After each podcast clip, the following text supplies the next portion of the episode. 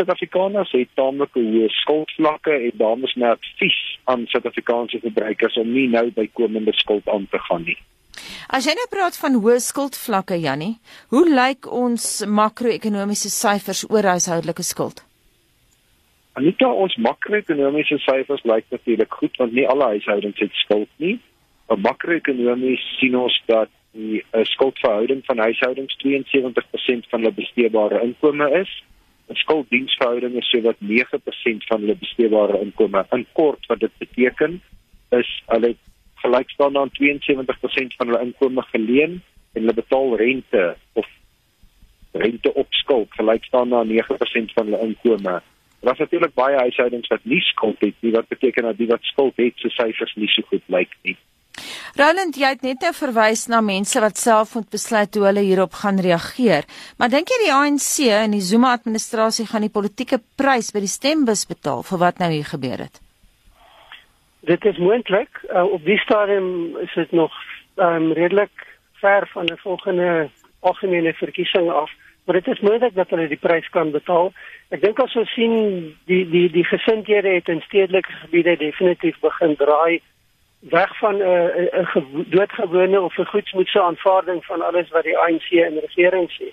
So dit is goed moontlik dat dit kan gebeur.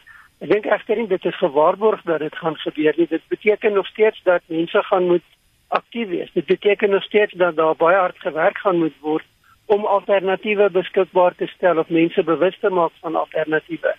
Die die groot uitdaging is om die besluite wat regerings neem te begin koppel om die lyn deur te trek na wat is die effek daarvan op gewone burgers. En ek dink dit is iets wat in Suid-Afrika nog nie werklik sterk genoeg deurkom nie. Daar's 'n verwydering tussen wat op regeringsvlak gebeur en hoe mense beleef dit hulle raak die belewing van mense is die regering lewer nie dienste of die regering is besig om sekere goed nie te doen nie. Maar die rede waarom dit nie gedoen word nie word baie maklik toegeskryf aan ehm um, onvermoë. In baie gevalle en indien ons op hierdie traject is waarop Suid-Afrika nou is, gaan dit waarskynlik nie meer net onvermoë wees in die sin van daar's nie kundigheid nie, maar ook onvermoë in die sin van daar is dood eenvoudig nie meer die middele om hierdie tipe dienste te kan lewer nie. Janie Cascovadia vir die bankvereniging het die week verwys na SA Incorporated. Is daar nog 'n South Africa Incorporated wat beleggers kan lok? Suid-Afrika lyk regtig op die oomblik nie baie aantreklik vir beleggers nie, Anita. Ons moet regtig begin dink oor wat na hierdie chaos van die Zuma administrasie moet gebeur. Hoe ons uit hierdie chaos van uitkom. Dit is duidelik dat meneer Zuma en sy kornuite nie belangstel om hierdie land goed te bestuur nie. So ons moet begin dink aan wat ons na die 2019 verkiesing gaan doen en 'n my idee is ons sal 'n regering van nasionale genesing moet kry. In Engels 'n government of national healing. Daar sal weer 'n gevoel van samehorigheid moet wees. Mense onderling sal mekaar weer moet vertrou en mense in Suid-Afrika sal weer hulle regering moet vertrou. Want op die oomblik is daar geen vertroue in die regering nie.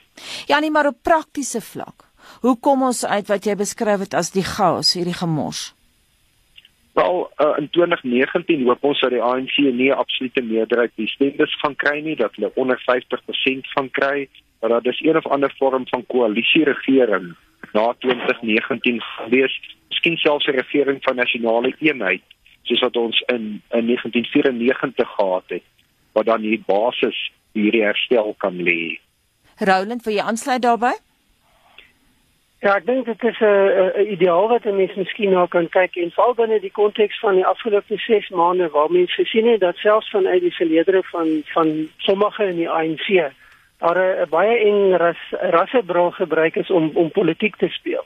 En dit het definitief skade aangerig en en dit gaan vir my verby die die beginsel van weet en veilig vertroue in die regering, maar ook vertroue onderling tussen Suid-Afrikaners. En ek dink daar's ongelooflike groot skade aangerig aan die hele idee van 'n gemeenskaplike Suid-Afrika met 'n gemeenskaplike langtermyndoelwit. So daar gaan ongetwyfeld baie hard gewerk moet word en en en ek wil sê baie kreatief gedink moet word oor hoe oorkom mense hierdie tussenfase. Dit gaan nie maklik wees nie. En die die ek dink die groot risiko hiervan op die langer termyn is die vestiging van die idee dat alles wat verkeerd loop het 'n wit kleur en alles wat te doen het met verdeling en armoede het 'n wit kleur. Nou jy kan histories baie lank hieroor gaan debatteer, maar binne die dag tot dag politiek is dit 'n baie gevaarlike situasie om in te wees vir 'n plek soos Suid-Afrika en iets wat op 'n baie kreatiewe manier bestuur sal moet word om weg te kom daarvan en die die potensiële negatiewe implikasies daarvan. Kort laaste vraag en antwoord van jou, Jannie, kan ons dit doen? Ons kan dit doen. Ons almal wil 'n beter toekoms vir geslagte na ons hê. Maar ons sal dit nie doen met die huidige regering nie want ons het geen vertroue in meneer Zuma nie. Ons indruk is hy wil net kyk dat hy kan buit. Ja, so sê baie dankie vir die onderhoud menere. So sê die hoof van die skool vir ekonomiese en sakewetenskappe by Wits Universiteit, professor Janie Rousseau, en ons het ook gepraat met Roland Henwood van die Universiteit van Pretoria.